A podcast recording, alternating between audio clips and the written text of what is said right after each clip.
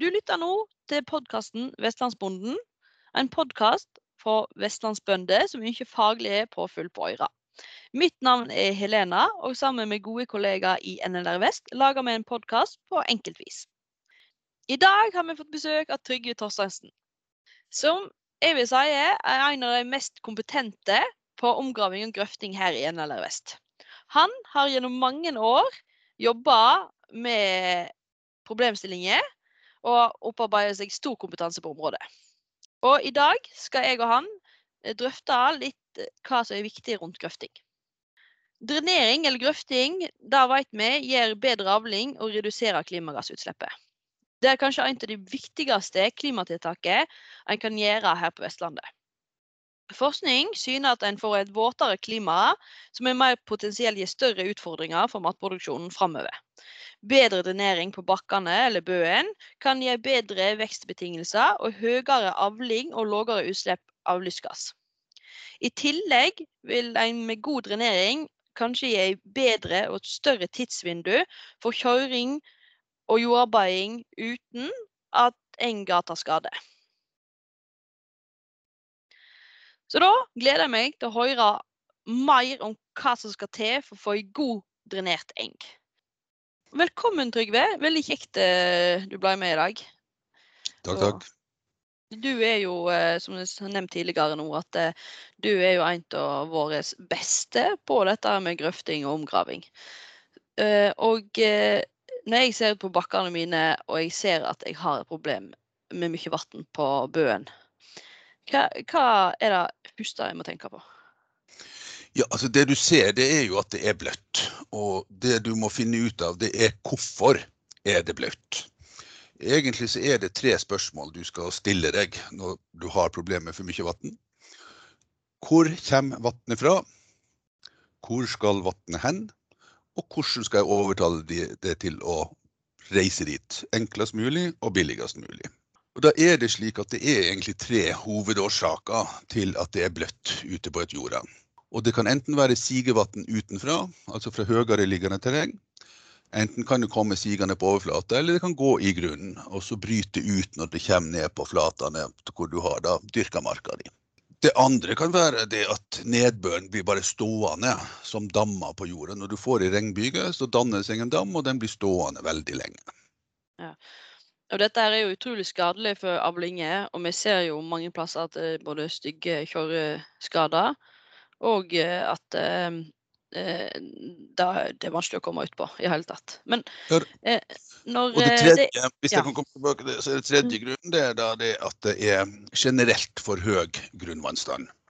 Altså der er Enten så er det ikke utløp, eller vi har dette vanlige problemet på Vestlandet, at disse myrene som vi dyrka for en god del tiår siden, der har nå myrsvinnet gjort at, at terrenget blir liggende for lavt i forhold til utløp, men mye lavere enn før.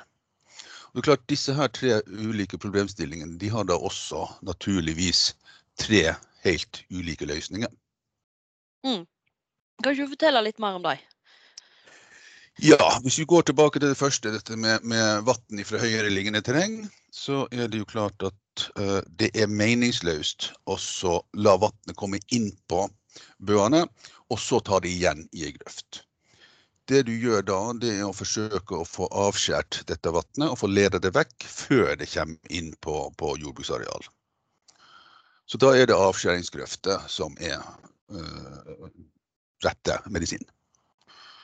Mm. Når det kommer til dette med tett jord, som jo faktisk er blitt et problem i, som et resultat av moderne drift. Vi har tunge maskiner, og vi sprayer mye blautgjødsel og gylle. Og da ser vi ofte det at du kan gå ut på et jorde som er bløtt, og så vet du at under føttene dine så ligger det ei velfungerende grøft. Og jeg har faktisk opplevd å stukke et spett i, kanten av en dam og ned på ei grøft, og så begynner vannet bare å renne ned. Og det er klart, Når vannet ikke kommer ned til grøftene, så er jo ikke løsningen å lage flere grøfter. Da må du sørge for at vannet kommer ned. Og Det er to måter dette kan gjøres på det er å grave et hull ned på grøfta og så fylle opp med grus. Da lager du en såkalt steinsil. Og det andre er terrengforming. At du faktisk bruker gravemaskin til å forme terrenget, slik at du får avrenning enten ned imot et, et nedslippspunkt eller ut av jorda. Ut av bøen. Ja, at du lager brattere areal? Ja, du endrer litt på terrenget. Og her er det ikke snakk om, om noe voldsomme terrenginngrep, men at du endrer litt. Eksempel så ser vi ofte det at uh, ved kanten av en åpen kanal så ligger det en liten voll. Og det er da gjerne fordi at det ikke blir hausta der, og kvist og kvas uh, samler seg opp. Og hvis den da er så uvøren at en etter å renske kanalen ikke fjerner massene, men lar de ligge på kanten, da skaper du en dam. Så det å skave av den kanten og flytte massene litt lenger inn, det kan være nok til at vannet får uh, fritt leide ut i kanalen. Ja. Men hvis du har gjort alle disse tre tingene som du nevnte nå, men du fremdeles ser at det er mye vann på bøen? Ja, Da er du inne på dette her at da er likevel så er grunnvannstanden inne på bøen for høy. Og da er det liksom siste utvei, det er flere og nye grøfter. Hvis det da ikke er slik at vedlikehold og reparasjon kan være løsningen. Mm. Men jeg ser som regel alltid på dette her. Eh, nye, nye grøfter det er såpass dyrt og arbeidskrevende og tidkrevende at det er siste utvei.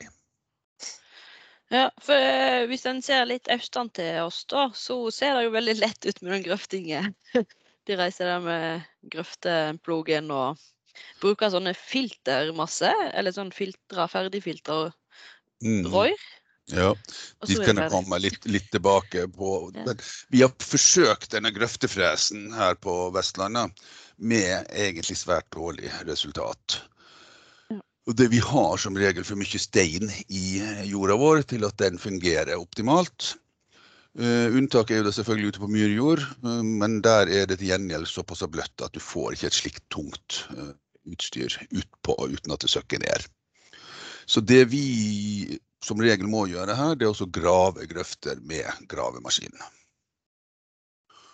Og da er det da gjerne slik at du bør begynne i en ende, og da begynner du med utløpet. Du begynner alltid å grave i grøft ved utløpet. Og grunnen til det er jo da selvfølgelig at da slipper du vannet ut etter hvert. Hvis du begynner øverst, så vil du bli stående og grave i gjørme hele tida. Så grav nedenfra og slipp vannet ut etter hvert. Og så graver du grøfta til endes. Og hvis det er snakk om bare ei grøft, så er det jo da bare å få lagt ned rør, og så få lagt ned filtermasse før du legger grøftemassen tilbake igjen.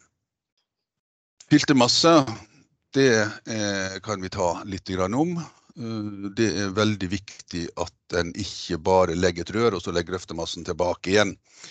En bør legge eh, noe filtermasse rundt røret. Og da er en feil som veldig mange, og spesielt entreprenørbransjen, insisterer på å gjøre, det er at de bruker for grov filtermasse. De bruker det de kaller for grøftesingel. Og det er da ja, singel på størrelse med ei klinkekule omtrent. 10 millimeter. 8-16 er det vel det, det, det, vanligste begrepet på disse her. Singel som er fra 8 til 16 millimeter i diameter. Og den er så grov at den har faktisk null filtreringseffekt. Ja, ja. Vi, bruk, vi bruker filtermasse av tre årsaker. Det ene er at du skal filtrere vekk finstoff silt, leire, finsand, som ellers ville komme inn i røret og kanskje tette igjen på sikt. Det andre er at du skal beskytte røret mot mekanisk skade. Og det tredje er at du skal øke innstrømmingshastigheten inn til røret. Du skal gjøre det lettere for vann å finne fram til røret. Og disse grove massene eh, fungerer godt for disse to siste. Tingene, men overhodet ikke når det gjelder filtrering. Men eh, hva med flis? Vet jo en del som har brukt det i ti annet. Grov sagflis er veldig godt egnet. Veldig godt egnet. Kutteflis blir for grovt, og denne fine flisa fra snekkerverkstedet, sånne bandsager og sånt, den blir for fin. Den omtrent som gjør. Men vanlig eh, sagflis fra ei gårdssag eller fra disse store sagbrukene som produserer skulast, den er veldig godt egna. Så egentlig vil jeg vel si det at det, det sagflis og maskintnus singel 2-4 mm. Det er vel de beste filtermaterialene vi har, som også er lettvint tilgjengelig for folk flest. Ja. Det tror jeg er veldig god informasjon. Ja. Du nevnte dette med, med eh, rør med ferdig påsylte filter på, såkalte tepperør. Og eh, de ville vel egentlig advare litt imot. Um, jeg husker mitt første grøfteprosjekt. Da var jeg 14 år gammel. Storebroren min var 16 år og hadde kjøpt seg gravemaskin. Vil si det var sånn graveaggregat som vi hekta bakpå trepunktopphenget på den gamle Volvoen vår. Og så grøfta vi oppi Kjosen, syv-åtte dekar. Og så la vi det som vi fikk anbefalt fra herresagonomen i Tromsø den gangen, la vi ei sånn glavastrimmel oppå røret. Det skulle være filtermateriale. Og den, ja. eller, den tørreste plassen i Rakkfjorden den høsten, det var utløpet av hovedgrøfta i Kjosen. Det kom aldri en dråpe ut av de rørene. Så de grov vi opp igjen eh, neste vår og la grus på. Og de har virka nå i snart 50 år. Nå begynner det å bli bløtt igjen i Kjosen, nå må det grøftes på nytt. Men de har virka nesten i 50 år. Disse tepperørene de eh, er veldig mye brukt på kontinentet. Men da skal vi være klar over at f.eks. i Nederland så er det ikke så uvanlig at vi driver og grøfter med ti års mellomrom. Og det har ikke vi råd til, rett og slett. Det er helt umulig å få økonomi i et grøftanlegg hvis avskrivningstida skal være så kort som ti år. Mm. Danskene advarer sterkt, særlig på myrjord, så advarer de sterkt mot bruken av tepperør. Og vi har veldig lite forsøk i Norge. Vi har noen få, og det er ingen av mine kolleger som driver med, med grøfterådgivning som, som, tør å gå god for disse her. Nei.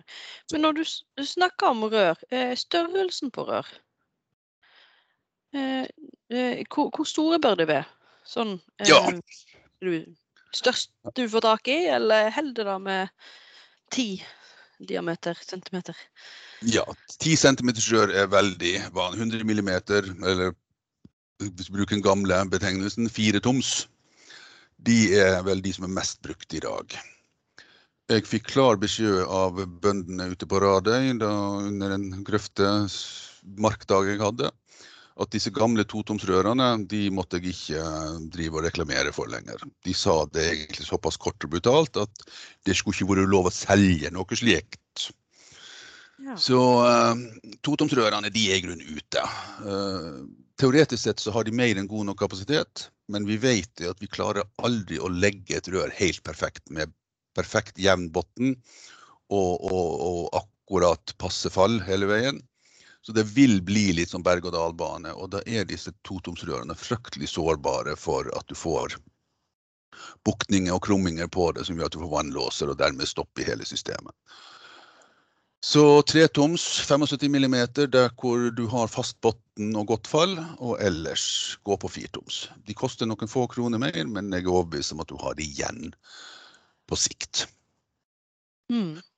Over firtoms, da skal du egentlig måtte ta deg av vann som kommer utenfra. Hvis det kun snakk om å drenere, drenere vekk nedbør som faller direkte på bøen, så er firtoms alltid nok. Alltid.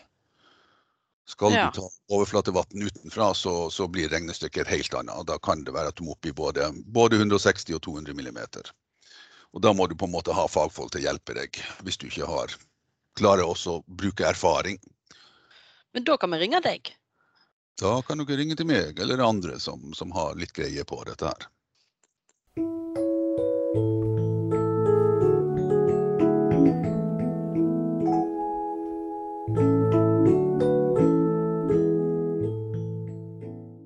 Men så eh, snakket vi litt om tidligere om kostnaden.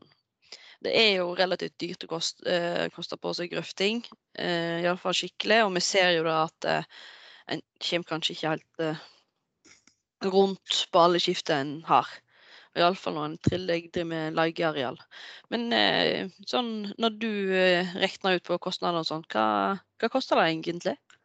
Ja, hvis, jeg blir spurt av en, hvis jeg blir spurt av en bonde hvor mye det koster per meter å grøfte, og jeg ikke har noe særlig detaljopplysninger, så pleide jeg også å si 100 kroner meteren minimum.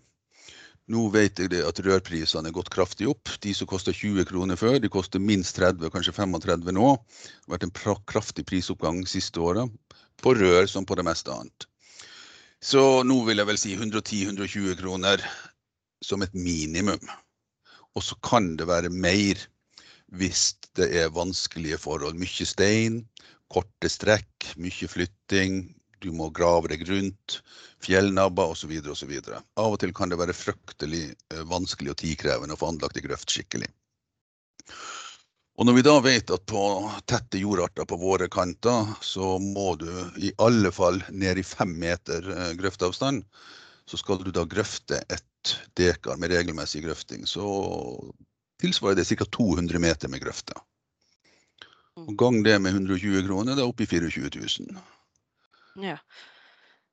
Da er jo ganske høy pris. Eh, eh, og det er et lite Det kan vi jo sende lite signal til politikere òg, at eh, grøftetilskuddet må jo kanskje komme litt opp. Men eh, vil det lønne seg? Sånn, ja, det, det, kommer jo helt an på. Altså Hvis du har et areal som er på vei til å gå helt ut av produksjon, og at du ikke bare mister avlinga, men du mister også dette areal- og kulturlandskapstilskuddet, så er jo det på fem, nesten 500 kroner per dekar. Og hvis du da i tillegg mister ei avling, la oss si 500 fòrregninger, og 4 kroner eh, per fòrregning, er 2000 kroner. Mm. Og da, er det kanskje Har du inntektstap på, på 2500 kroner per dekar. Og da lønner det seg faktisk også å investere 20 25 000 kroner i grøfting. Tror du det lønner seg mer nå som gjødselprisene øker? At det blir mer fokus på gode avlinger? Vi vet jo det at god drenering er en eh, forutsetning for å ta gode avlinger. Og at en hittil så har en klart å kompensere noe med å øke gjødselmengdene. Og det å øke gjødselmengdene det har jo da en negativ effekt både på lommebok og også på miljøet. Det å bruke mye kunstgjødsel på et vassjukt areal, det skaper gode forhold for eh, lystgassutslipp. Og det er noe av de mest potente klimagassene vi har. Mm, det er det jo. Og da snakket vi litt om i innledningen òg, at eh, grøfting er et kjempebra klimatiltak. Det er et av det beste vi har på Vestlandet iallfall. Mm. Absolutt. ja. Dette her med å få tilskudd til grøfting, det eh, er jo mulig. Altså, og jeg vil jo anbefale at en tar den jobben med å, å, søke tilskudd, selv om det ikke er mer enn 30 kroner per meter i dag. Vi kan alltid drive litt lobbyvirksomhet for å forsøke å få det opp. Og det er kanskje en mulighet nå når vi ser at prisene på alt av innsatsvarer har gått opp. Og ja, klima er i fokus, og vi vet hvor, hvor, viktig dette her er, så er det jo kanskje en, en mulighet. Men uansett, eh, for å søke om eh, grøftetilskudd, så må du ha en plan. Du må ha en grøfteplan, en slags arbeidsbeskrivelse om hvordan dette her skal være. Og så må du tegne et grøftekart. Og på våre kanter så Jeg kan ikke huske på alle de år jeg har holdt på med dette, at jeg har laga en plan som går på helt regelmessig grøfting av et areal. Vi grøfter ikke mer enn det som er nødvendig, og da blir det å ta stikkgrøfter inn her og der. Og da er det metertilskuddet som, som er gjeldende, og det er på 30 kroner. Grøfteplan, grøftekart, og så ligger det et skjema på Altinn som du skal bruke. Og hvis du har uh, problemer med hvordan du skal få laga deg en plan og et kart, så kan du i alle fall ta kontakt med landbruksrådgivninga. Eventuelt hvis du har noen kollegaer i, i, yrket som har gjort dette før, som kan hjelpe deg. Men jeg gjør dette her eh, ganske mye. Lager flere planer hvert eneste år. Og hjelper til med, med søknad. Ja, så ringe oss i Landbruksrådgivningen, eller deg kanskje, eller noen gode kollegaer. Eh, ja. Og så er det lettere nå enn før. Før var det vel litt vanskeligere med disse planene, var ikke det det? Nei, da vet jeg ikke helt hva du tenker på. Jeg mener at det var mer papirarbeid før, når du skulle lage til disse planene. Ja, det var, det var, det var et papirskjema, men det var, noe, det var, ikke noe, vanskeligere. Nå er det bare det at Altså, før så kunne jeg gjøre alt for deg. Ja. Jeg skal Mm. søke for deg nå, så må jeg få tilgang til din Altinn, og det er litt sånn, eh, sånn problematisk. ja. Ja, det er mulig det også, men eh, akkurat eh, dette søknadsskjemaet det er stort sett navn og adresse og bankkontonummer og, og litt sånn helt basale opplysninger som de fleste klarer veldig greit også em, legge inn. Og hvis du vil ha hjelp av meg, så vil jeg sende deg ei, ei fil med grøfteplan og grøftekart, og så laster du disse opp i Altinn. Og da har du det du trenger. Mm. ja, supert. Eh, Men eh, til slutt her nå, da. Hva, er det noen råd eh, du vil gi til bønder som har veldig mye myrjord eller våttareal? Ja det, det, er klart, det er veldig utfordrende å holde grøfter ved like på myrjord på Vestlandet. Det, du kan tenke deg at vi får 2-2,5 meter med nedbør oppå dette arealet hvert eneste år. Og det skal altså klare å komme seg en meter ned fra overflaten gjennom et tett jordprofil og inn i et rør. Og det er ikke som regel ikke tilstrekkelig kun med, med, med rørgrøfter for å få tilstrekkelig god drenering på et myrareal. Så tenk overflateforming, hvis det er mulig, uten at du skal gå inn på noe fullskala profilering. Altså, men, men uh, myra er som regel ikke helt 100% flat og 100 i, i vater.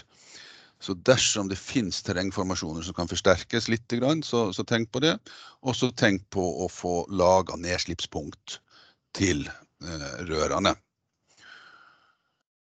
Ja. Jeg sa tidligere at du skal begynne å grave med utløpet, og du skal også sørge for at du får laga deg et stabilt og ordna utløp som er lett å komme til å inspisere og også vedlikeholde. Og så en liten detalj som jeg vil ta med, som blir slurva veldig mye med, det er at du skal legge et tett rør den siste lengda før utløpet. For hvis du legger rør med åpne sliss helt inntil utløpet, så vil du garantert få rotvekst inn i røret, og som da vil stoppe eh, vassflommen og vil sørge for økt sedimentering. Og du vil få et tett rør ved utløpet. Så når du kjøper deg en bunt med rør, kjøp også et rør som er uten sliss.